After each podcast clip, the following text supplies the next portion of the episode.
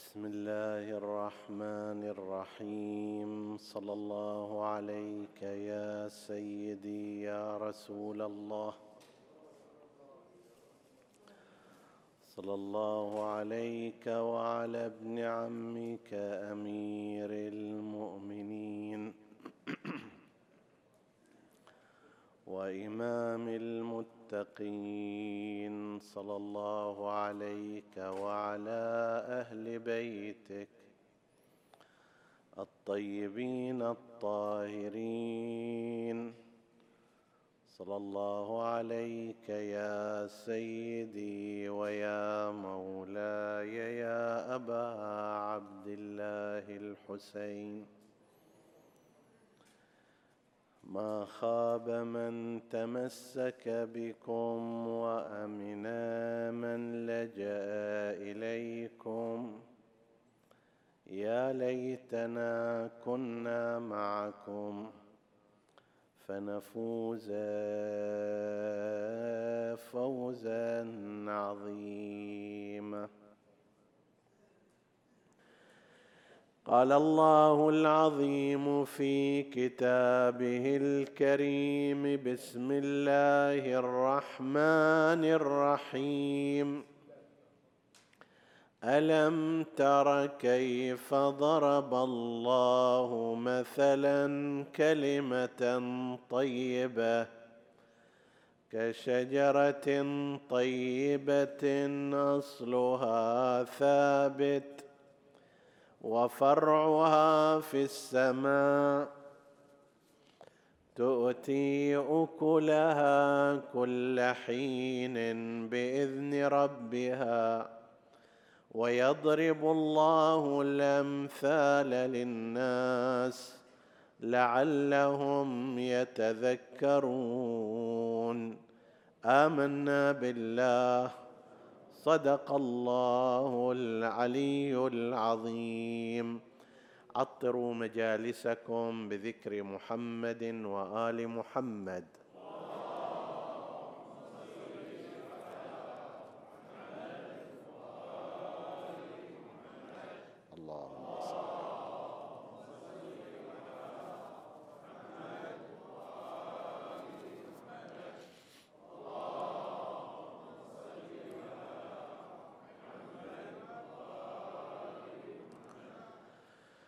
حديثنا بإذن الله تعالى يكون في بعض نتائج نهضة الإمام الحسين عليه السلام في الأمة.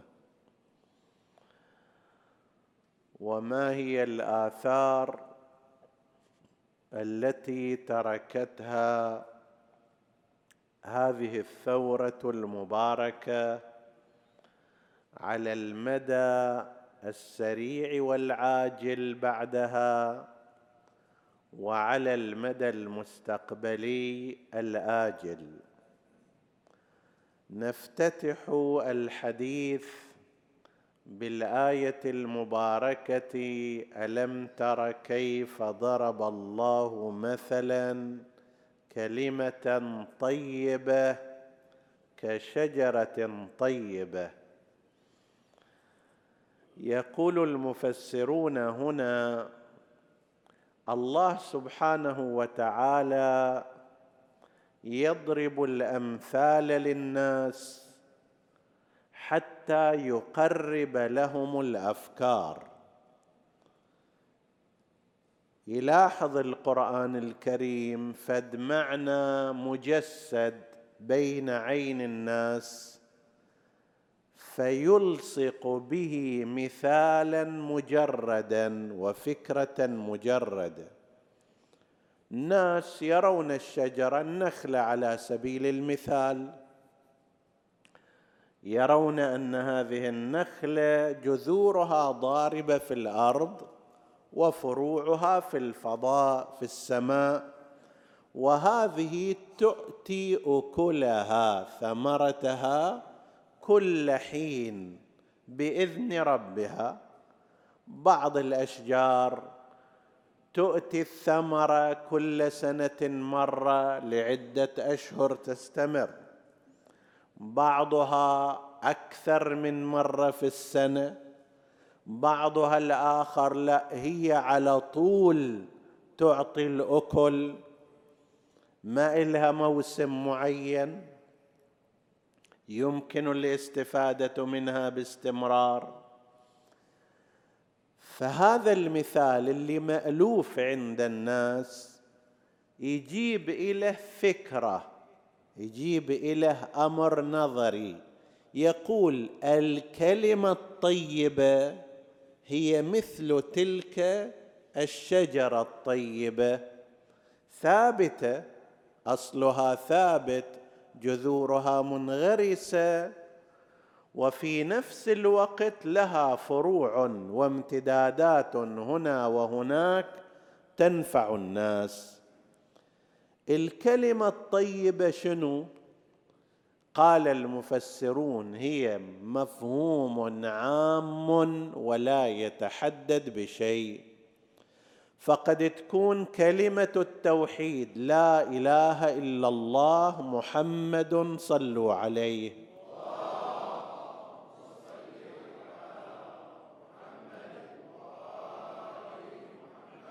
لا إله إلا الله محمد رسول الله. هذه كلمة طيبة. أيضا كل الشريعة والدين الإسلامي دين الإسلام أيضا هو كلمة طيبة أصله ثابت وثماره وفوائده وفروعه في كل مكان وينتفع بها الناس. ولذلك لم يحددوه بمجرد الكلام فقط. أيضا يصدق على الكلام. نصيحة أيضا كلمة طيبة. هي ثابتة لاعتمادها على شيء صحيح. لاعتمادها على الحق والحق سمي بالحق لثبوته.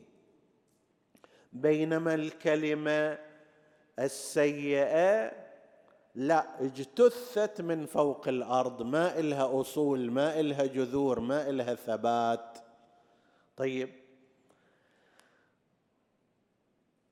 النهضة الحسينية هم اشتملت على الكلمة الطيبة وعلى الفعل الطيب وعلى البرنامج العملي والسيرة العملية وبالتالي هي من أوضح مصاديق هذه الآية المباركة. كم فيها من الكلمات الطيبة؟ شيء كثير. سواء كان كلمات الحسين عليه السلام أو حتى كلمات أصحابه. نصائح الحسين عليه السلام بل ونصائح أصحابه.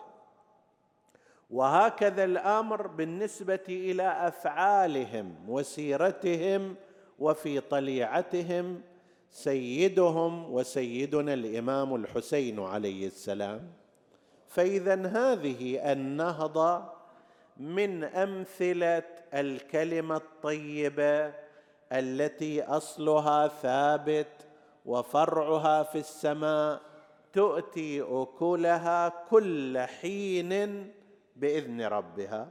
الليلة نتناول بعض الآثار والنتائج والفوائد التي تمخضت عنها هذه النهضة الحسينية بشكل عاجل وبمقدار ما يتسع الوقت وإذا صار في ليلة أخرى أيضا مجال نتحدث عن باقي الفوائد.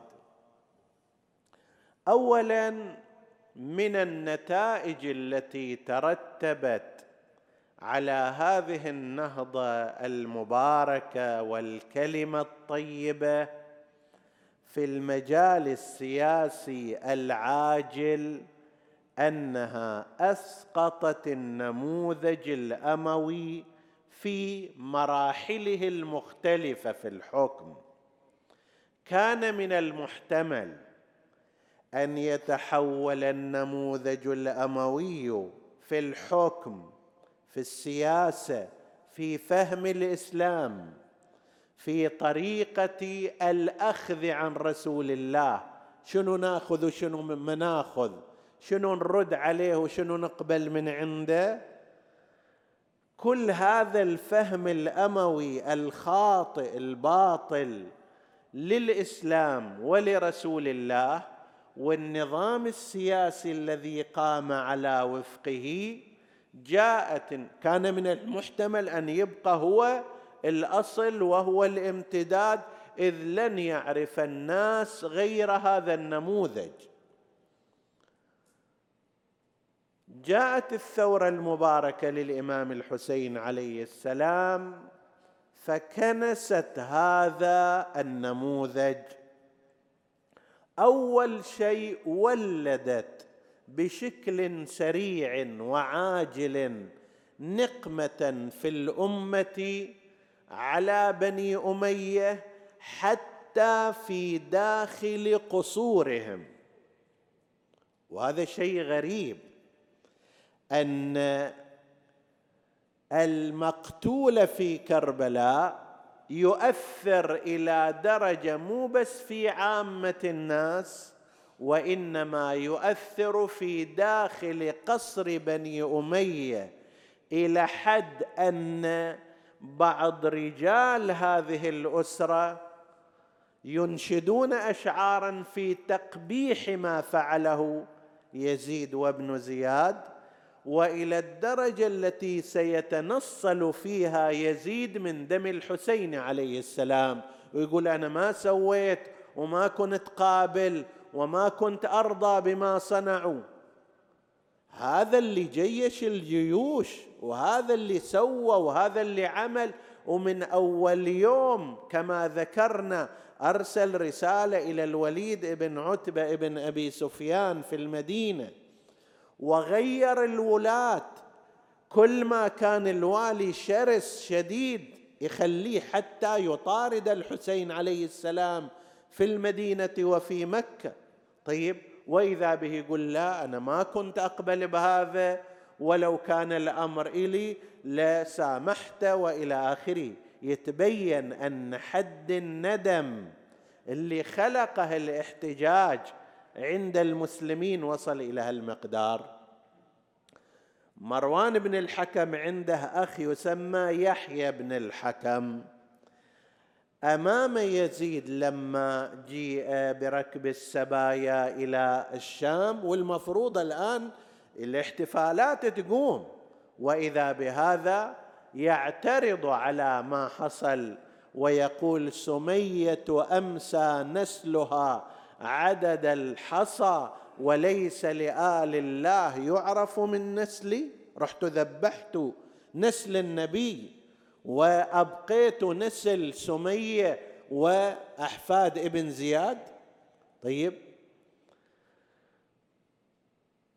هند بنت عبد الله ابن عامر ابن كريز وهي زوجة يزيد ولم تكن في أجواء أهل البيت وما ينقل في بعض الأماكن من أنها كانت خادمة عند في بيت أمير المؤمنين أو كذا لا أصل تاريخي له ولا يعضده التاريخ ولا مسيرتها لا والدها كان هو مع اولا في أيام الخليفه الثالث مع الحالة الأموية ولم تكن لا هي ولا غيرها من أسرتها في خط أهل البيت.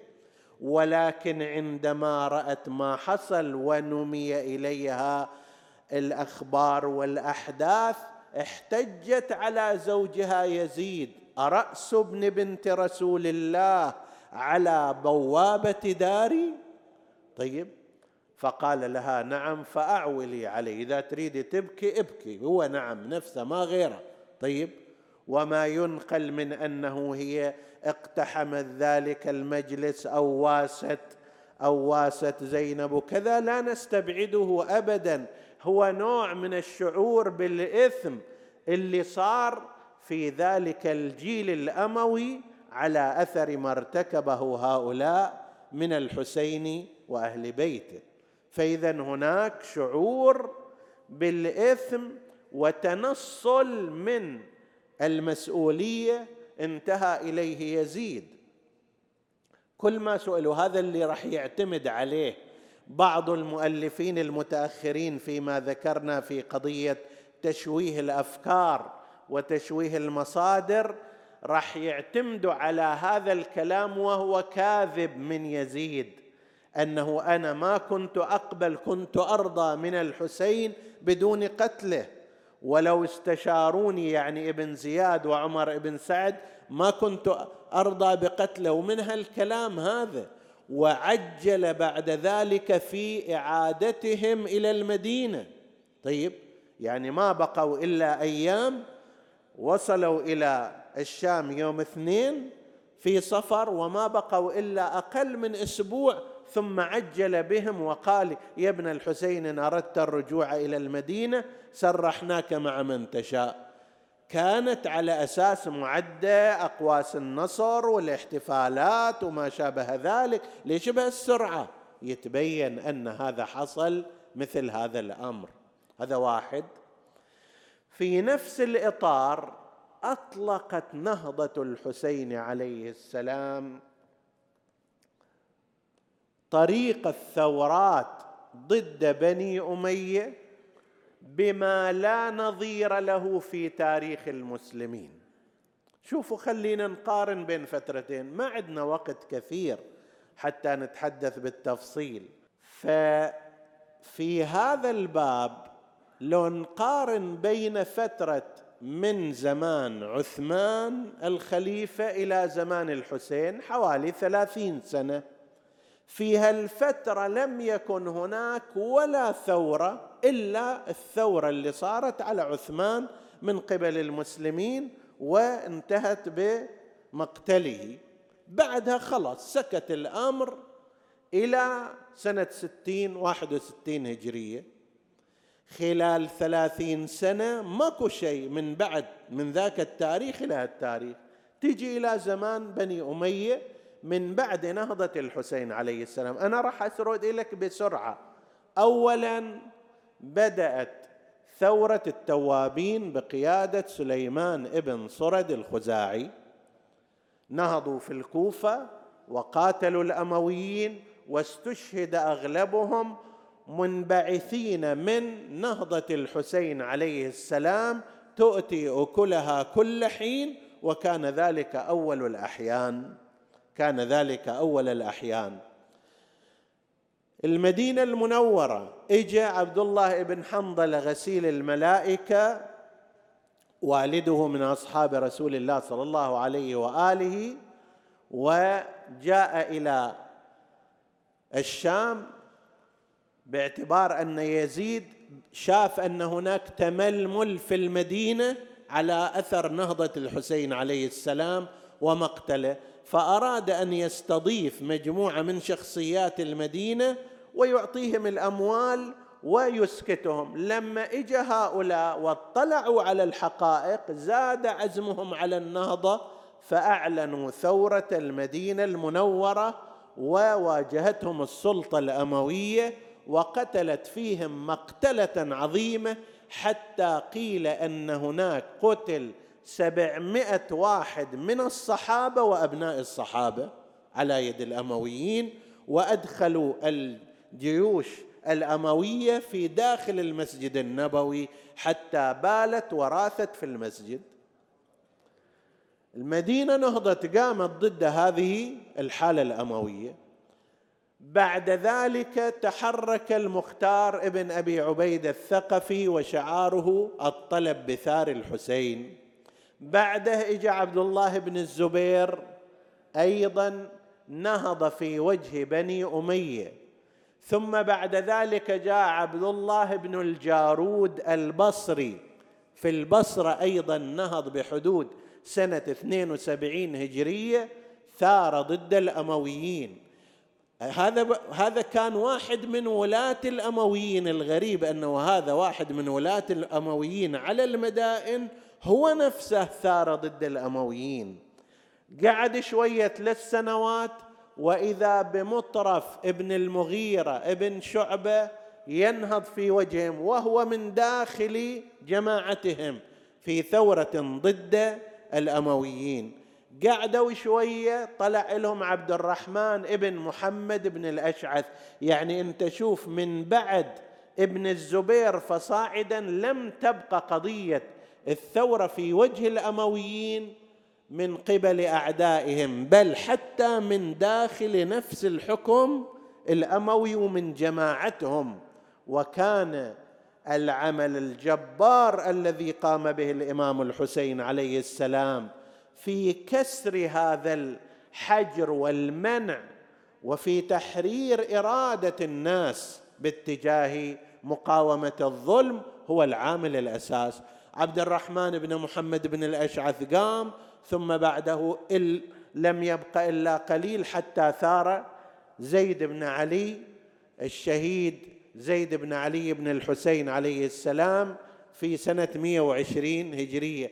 لما تجي تحسب هنا حدود تسع ثورات وحركات معارضة خلال هذه الفترة من سنة 60 إلى سنة 120 هجرية وبعدها بفترة نهض العباسيون سارقين لجهود الهاشميين وسقطت الدولة الأموية. يعني هناك عشر حركات ونهضات وثورات خلال فترة ستين سنة من الزمان أو سبعين سنة من الزمان. يعني كل سبع سنوات عندنا هناك حركة مواجهة لبني أمية. وين هاي الأمة اللي سكتت ثلاثين سنة ما تحرك فيها ساكن؟ وإذا بها تتحرك خلال هذه الفترة في عشر حركات. لا نزكي كل هذه الحركات ولا نقول أن كل الثورات زينة وطيبة. لا ولكن أصل موضوع أنهم قاموا في وجه بني أمية هذا أمر إلى تعبير وإلى سبب وهو قيام الحسين عليه السلام بنهضته المباركة. فالإمام الحسين أيقظ الأمة من سبات وأطلق فيها عنصر الثورات والحركات وأسقط بذلك النموذج الأموي. كانت الأمة مهيئة لأن تأخذ النموذج الأموي وأن يستقر. عشرين سنة من زمان معاوية اشتغل التيار الأموي فيها على الأمة شغل كبير جدا لكي يستقر له. فهمه للإسلام طريقته في الحكم وهي مفصلة لو أردنا أن نتحدث عنها. هذا واحد من آثار هذه النهضة وهو من أعظمها. لولا نهضة الحسين عليه السلام لما تفجرت الثورات في وجه بني أمية ولما سقط الحكم الأموي ولما سقط النموذج الأموي ولكان اليوم لا يزال يحكم في كل هذه الأمة منهاج يزيد بن معاوية. لكن هذه من بركات الحسين عليه السلام أنه الآن حتى أتباع بني أمية ما يقدرون يقولون إحنا أتباع بني أمية.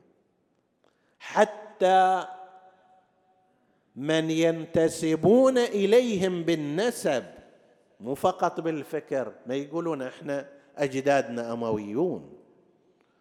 فكيف إذا كان في قضية المثال والنموذج؟ هذا واحد. الثاني من الآثار أن الإمام الحسين عليه السلام بثورته وخطبه أعاد تعريف منظومة من المفاهيم الدينية والإسلامية. بنو أمية أرادوا أن يسربوا إلى الأمة ثقافة بعيدة عن الدين. من اللي لازم يكون الحاكم؟ الخروج على الظالم هل هو جائز أو لا؟ الشهادة ما هو حكمها؟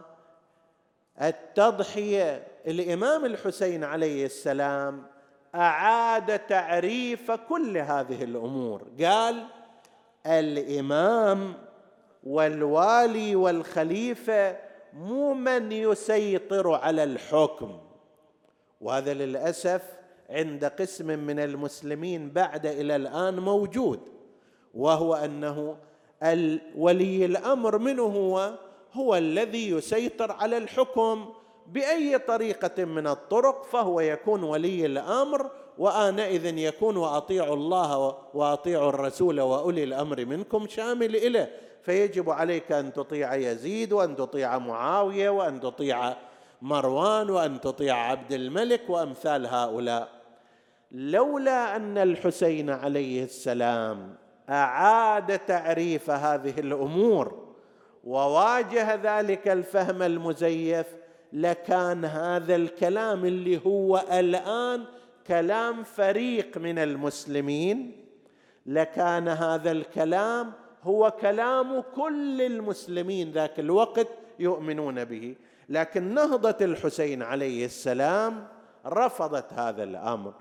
الإمام الحسين في كلامه يقول فلعمري في رسالته إلى أهل البصرة لكي يستنصرهم في النهوض. يقول فلعمري ما الإمام إلا العامل بالكتاب والآخذ بالقسط والدائن بالحق والحابس نفسه على ذات الله. هذا يسمى إمام. أما واحد يشرب الخمر صبحا ومساء هذا ليس وليا للأمر. ليس اماما بالقطع واليقين وبالتالي ولو يزيد هو اللي بيده السلطان لكن الإمام هو الحسين عليه السلام. الإمام هو العامل بالحق العامل بالقسط الداعي إلى الله. قضية الخروج على الظالم هذه من الأمور اللي تحتاج إليها بحوث كثيرة جدا. بالنسبة إلى الإمامية الأمر واضح. أنه كما قال رسول الله لذكره صلوا عليه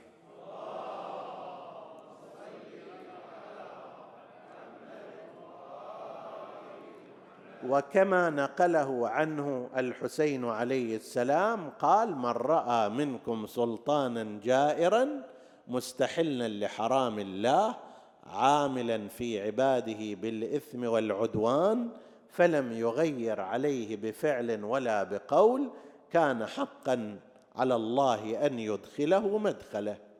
لازم تغير على هذا السلطان الذي هو بهذه المواصفات. النظرية الأخرى ما هي؟ هي التي ذكرناها أنه لا من يسيطر هو ولي الأمر ويجب عليك أن تطيعه وإن أخذ مالك وإن جلد ظهرك وإن أخذ حقك. لازم تصبر. طيب هذا الآن الفهم مو هو فهم كل الأمة أكثر الأمة لا تقبل بهذا الكلام. ولولا أن الحسين عليه السلام ثار ونهض وقال إنما خرجت. طيب لكانت قضية الخروج على السلطان الجائر والظالم عند كل الأمة لكانت محرمة مثل ما هي الآن عند قسم من المسلمين اللي متأثرين بالخط الأموي. لولا نهضة الحسين عليه السلام لكان كل المسلمين يعتقدون بهذا الاعتقاد.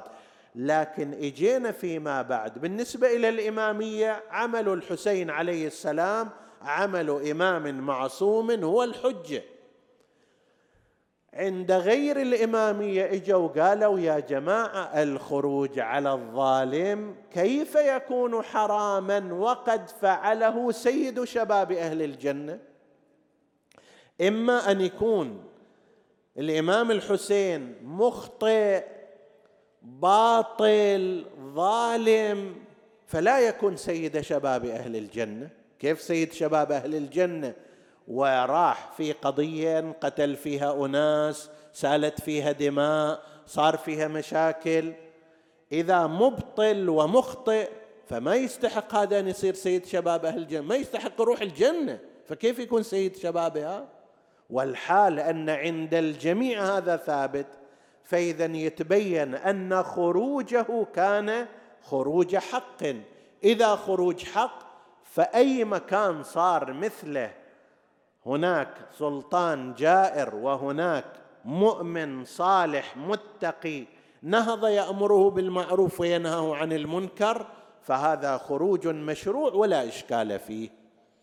فتسرب هذا الفكر إلى مدرسة الخلفاء وآمن به جمع كبير منهم حتى لقد قال بعض الباحثين أن التيار الثوري الرافض للظلم في مدرسة الخلفاء لم يكن ليوجد في أي مرحلة من مراحل التاريخ لو لم يتأثر هؤلاء بنهضة الحسين عليه السلام.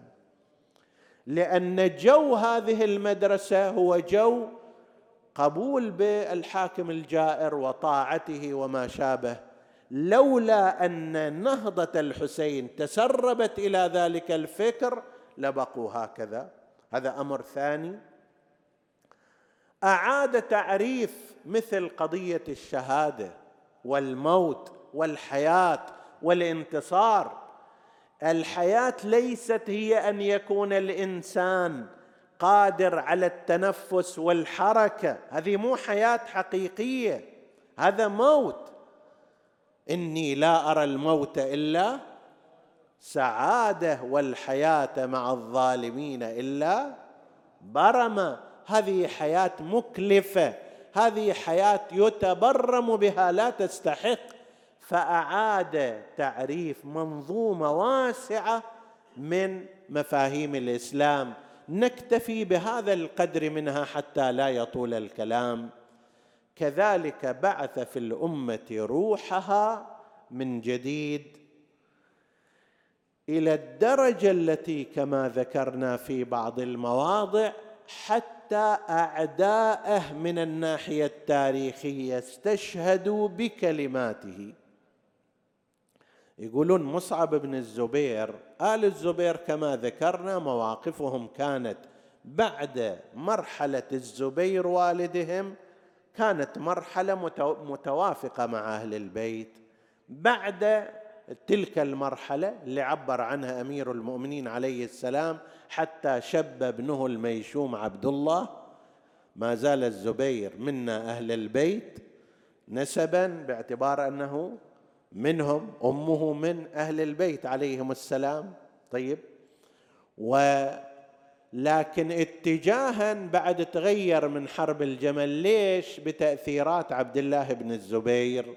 حتى شب ابنه الميشوم عبد الله واخذ التيار الزبيري.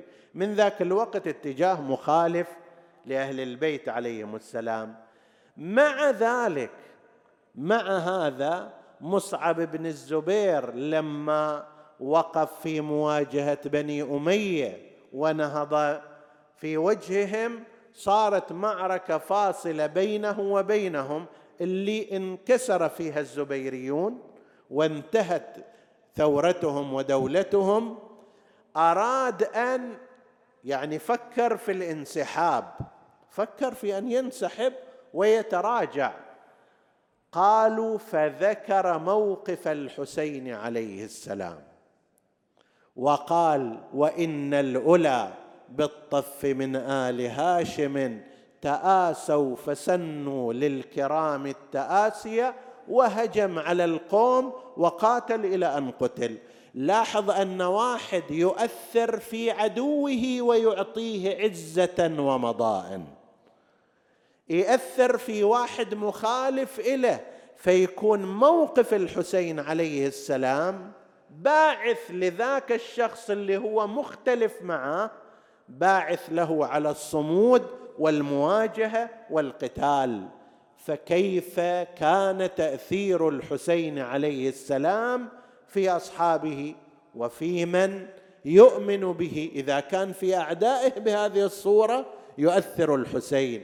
فأطلق الحسين عليه السلام من الأمة عقالها. وجعلها تتحرك حرر إرادتها الحسين عليه السلام. ولذلك تأثرت الثورات جميعا بالحسين عليه السلام بمقدار قربها منه. إذا كانت قريبة جدا مثل ثورة الشهيد زيد بن علي بن الحسين فإنها تتأثر تاثرا كليا.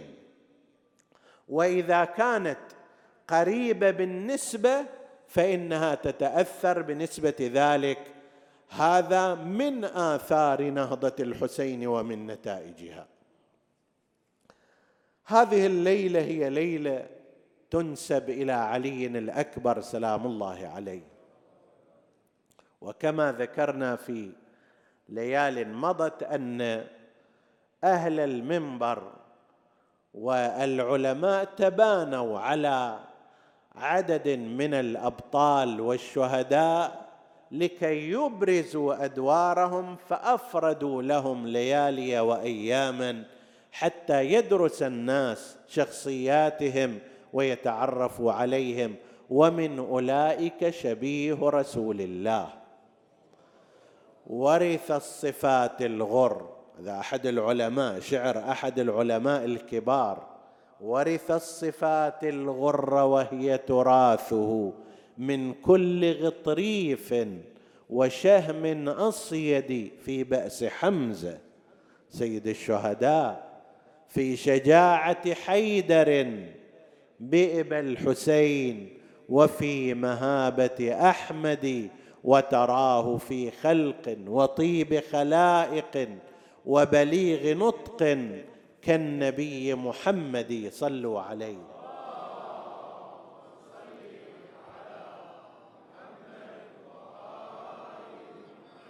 كان شبيها لرسول الله كما ورد في الخبر فقد برز إليهم أشبه الناس خلقا وخلقا ومنطقا برسولك وكنا إذا اشتقنا إلى رؤية نبيك نظرنا إليه. الحسين أيضا كان شبيها برسول الله صلى الله عليه وآله. يذكرون سبعة أو ثمانيه أشخاص فيهم شبه برسول الله قليل أو كثير. أحدهم الحسين عليه السلام. هذا الحسين يقول إحنا إذا ردنا نتذكر النبي في حركاته وسكناته وكلماته وشكله نظرنا إلى علي الأكبر. فكان يقرب لمن يراه صورة رسول الله صلى الله عليه وآله. في غاية الأدب في غاية الكمال لم تر عين نظرت مثله. من محتف يمشي ومن ناعل منه أعني ابن ليلى. ذا السدى والندى. أعني ابن بنت الحسب الفاضل. لا يؤثر الدنيا على دينه. أمام كل موقف وهذا مهم لنا أيها الأحباب أي موقف الإنسان يقفه هو معروض على الدين أو الدنيا. بعضهم كالحر اختار الجنة والآخرة على الدنيا ونار جهنم والبعض يختار خلاف ذلك. أموال مو إلك. طيب لكنها بالتالي إغراء المال فيها. هل تقبل عليها أو لا؟ لا يؤثر الدنيا على دينه. ولا يبيع الحق بالباطل يغلي بني اللحم حتى إذا أنضج لم يغل على الآكل. يعني هذا يطبخ يطعم للناس لأهل الحاجة حتى إذا غلى اللحم ونضج لم يكن غاليا على الآكل وإنما أرخصه بالبذل والعطاء. لم يغل على الآكل. هذا علي الأكبر سلام الله عليه. هذا القطعه من الكمال الآن يأتي إلى والده الحسين لكي يستأذنه في القتال. كل ما عز الولد كل ما كبر قيمته كانت فجيعته ومأساته أعظم. فلما جاء أول واحد من الهاشميين شوف المبادرة شلون. الحمل الثقيل لا يقوم به إلا أهله. ما يقول هذا أنا ابن الحسين خليني آخر شيء مرتاح. لا أول واحد هو الذي برز من بني هاشم قبل كل الهاشميين. جاء إلى أبيه الحسين مستأذنا إياه بالقتال. الحسين ينظر إليه ويتأمل في وجه رسول الله في الواقع. هذا الآن كأن النبي سيدخل إلى المعركة.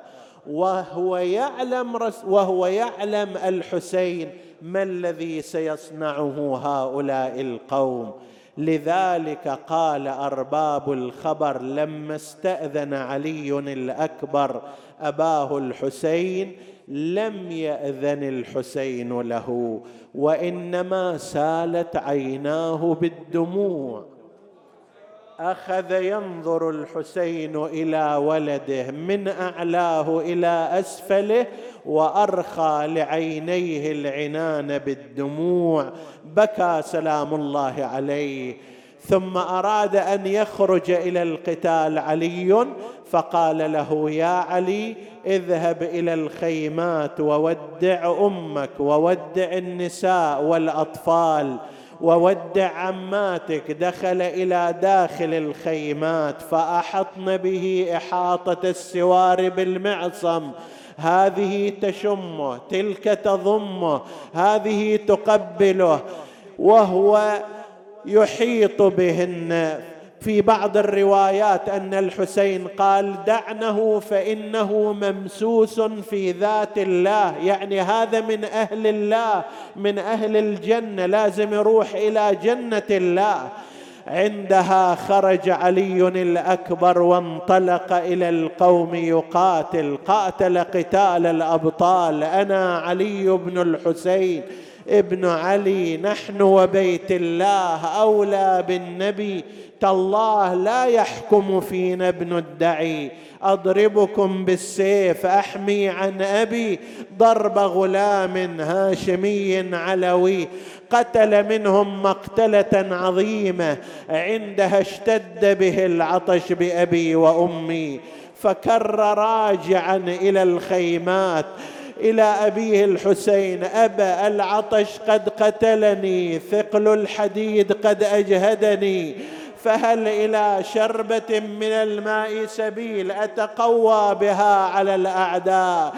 يقول أمني يا نجيب الماء الله لا يشوفك هالموقف مع واحد من أبنائك.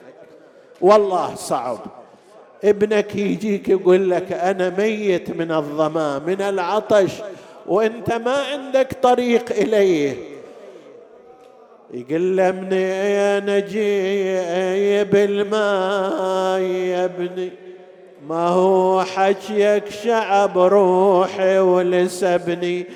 الروايات تقول لما جاء علي الأكبر وطلب منه الماء صاح الحسين بعد أن رفع رأسه إلى السماء وصاح وغوثاه. وغوثاه ما أقرب الملتقى بجدك المصطفى فيسقيك شربة من الماء لا تظما بعدها أبدا. بني ارجع إلى القتال. إلا شوية وانت هناك يم جدك رسول الله يسقيك بارد الماء. أراد أن يذهب. أرباب الخبر يقولون هذه الرواية. فقال له الحسين عليه السلام ائت إلى أمك. ليش؟ لأن هذه الأم كانت تنظر إلى وجه الحسين عليه السلام وتطمئن على حال ولدها. الآن وهو يريد أن يرجع إلى الحملة الثانية. رأت الحسين لا يلاحظ المعركة وإنما يشيح بوجهه. أرباب الخبر يقولون جاء إلى داخل الخيمه فوجد أمه مغشيا عليها. وضع رأسها في حجره حتى يعلمنا كيف نرأف بأمهاتنا ونحن عليهن ونعاملهن بما يستحق بما تستحق هذه الأمهات. أمطرها بدموع عينيه وإذا بها قد أفاقت رأت وجه ولدها وعزيزها امامها أليف مرحبا ويا حي هالقبا من جيتني سالم يا خيّ. ودعها قبلها رجع إلى المعركة التفتت هذه المرأة الطاهرة إلى الحسين هل يناظر إلى المعركة؟ وإذا بها ترى الحسين حول وجهه حول وجهه إلى جهة المخيم وهو يكثر من قول إنا لله. إنا لله وإنا إليه راجعون.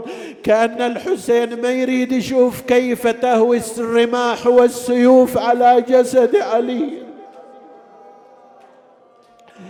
بينما الحسين كذلك وعلي الأكبر في وسط العسكر يخوض ويقاتل الأعداء. ساعة إذ قدم إليه اللعين مرة بن منقذ العبد ضرب عليا الأكبر على رأسه. ففطر هامته أيوا عليا أراد أن يرجع إلى المخيم فاحتمله الفرس إلى معسكر الأعداء توسط به العسكر فانثالوا عليه هذا يضربه بسيفه ذاك يطعن برمحه داروا بالسيوف عليه والزان. مثل شتال سبع المات فرحان عسى بعيد البلا ولية العدوان. قطعوه إربا إربا أيوا عليا. هوى إلى الأرض صريعا مناديا أبا يا أبا عليك مني السلام هذا جدي قد سقى. قد سقاني بكأس الأوفى شربة لا أظمأ بعدها أبدا وهو يقول إن لك شربة مذخورة جاءه الحسين مسرعا فوجد الولد على الرمضاء وقد قطعوه إربا إربا.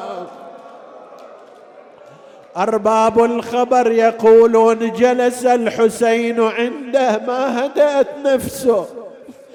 وضع رأسه في حجره كما فعل بأبي الفضل العباس ما هدأت نفسه.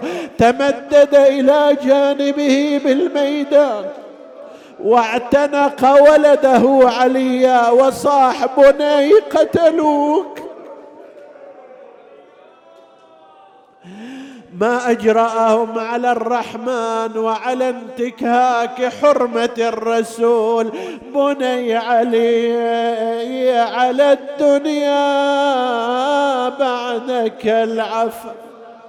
أما أنت فقد استرحت من هم الدنيا وغمها وبقي أبوك لهمها وغمها. وجلس عنده يناجي خلي نشوف شي يقول الحسين لولده الحسين لولده علي. وإحنا ننشد وياه. من قطع أوصالك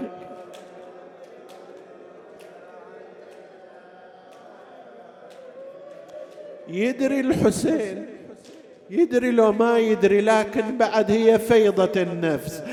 من قطع وصالك بسيفه يا علي. يا أبني بعدك على الدنيا العفا وفرقاك.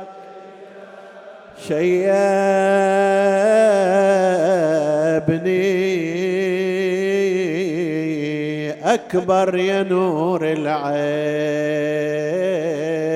يا معفر الخد الدين يا ابني شقول لعمتك لو سايلت عنك ليلة العزيزة ترتجي وما أيست من.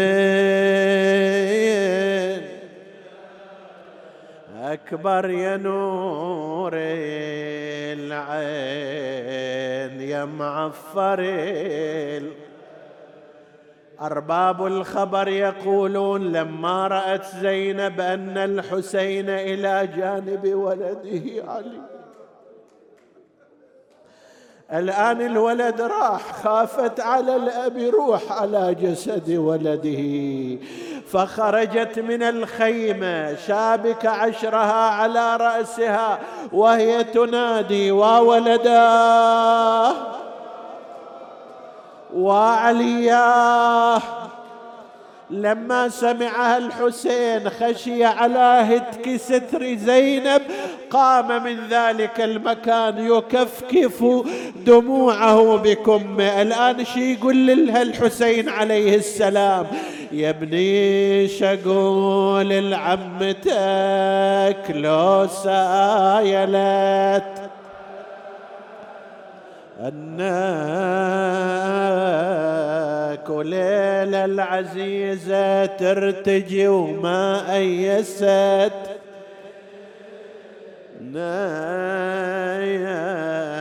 أكبر يا نور العين يا معفري. أنا ما أقدر أقول لهم علي مطروح بالرمضة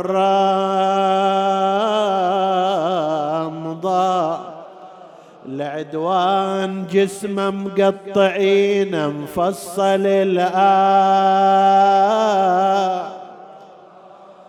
أكبر يا نور العين يا معفر الخير. جابه الخيمة مو هو الحسين اللي جابه الله يسامح.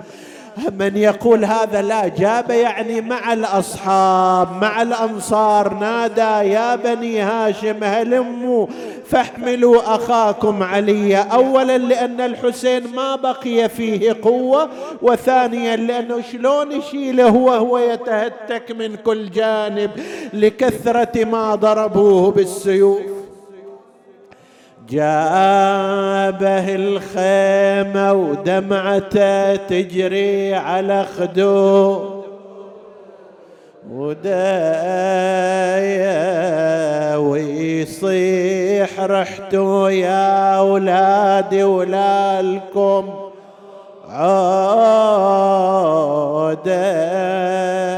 عودايا أكبر يا نور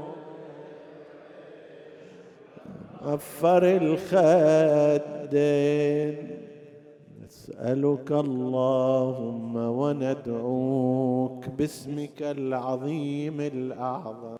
الأعز الأجل الأكرم يا الله.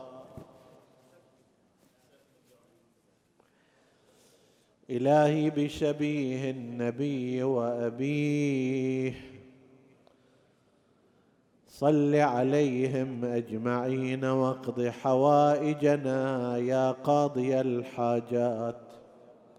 مرضى سئلنا الدعاء لهم بعضهم في العناية المركزة. حوائج متعسرة. اللهم اشفهم بشفائك داوهم بدوائك عافهم من بلائك. اقض اللهم حوائج المحتاجين. بحق الحسين وأبيه وأمه وأخيه والتسعة بنيه. اغفر لنا ذنوبنا كفر عنا سيئاتنا آمنا في أوطاننا. لا تسلط علينا من لا يخافك ولا يرحمنا. ولا تفرق بيننا وبين محمد وآله طرفة عين. فضل اللهم إخواني الحاضرين فردا فردا واقض حوائجهم. وتقبل عمل المؤسسين بأحسن القبول إلى أرواح موتاهم وموت السامعين. نهدي ثواب الفاتحة تسبقها الصلوات.